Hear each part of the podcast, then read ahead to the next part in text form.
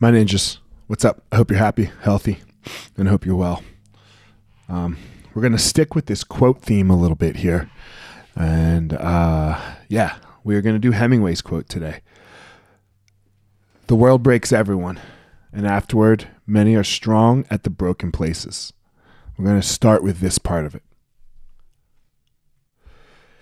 This idea that the world breaks everyone uh, you you have to we we we have to learn how to accept this.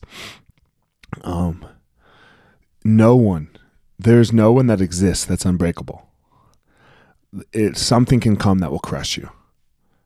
Uh, it, it, it'll drop you to your knees. I, I don't care. I don't care who you are or what you are. We all know that that that's the truth. What do we do afterwards? That's that's the key part of this quote.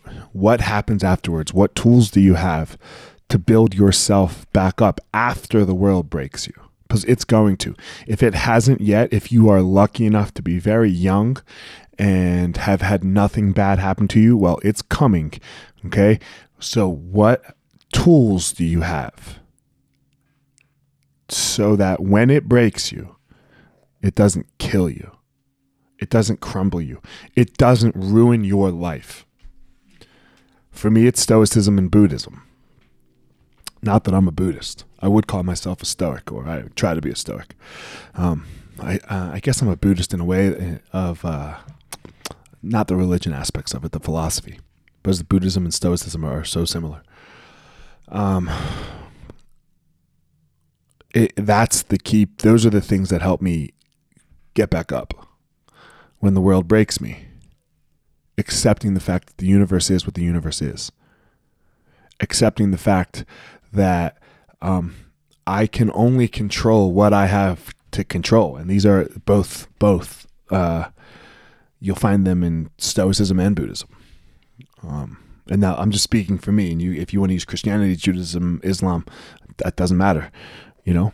But you have to have something. You have to have a way of life, a way of thinking, so that when you get crushed, there's something, there's something for you to grasp. If there's one thing that religions are for, it's for that. It's it's not to promise you the afterlife. It's not to promise you a good time now. You know, none of that. It, it's it's for when the universe is stomping on your head and breaking you, like it is many of us now right? Like it is many. If I, if I was going to tell you that I, I haven't broken in these six months, four months, man, it, you ah, I would be lying to you. I'd be lying to you. But in that broken place is where I have become much stronger. So that I can always reach back and find my power.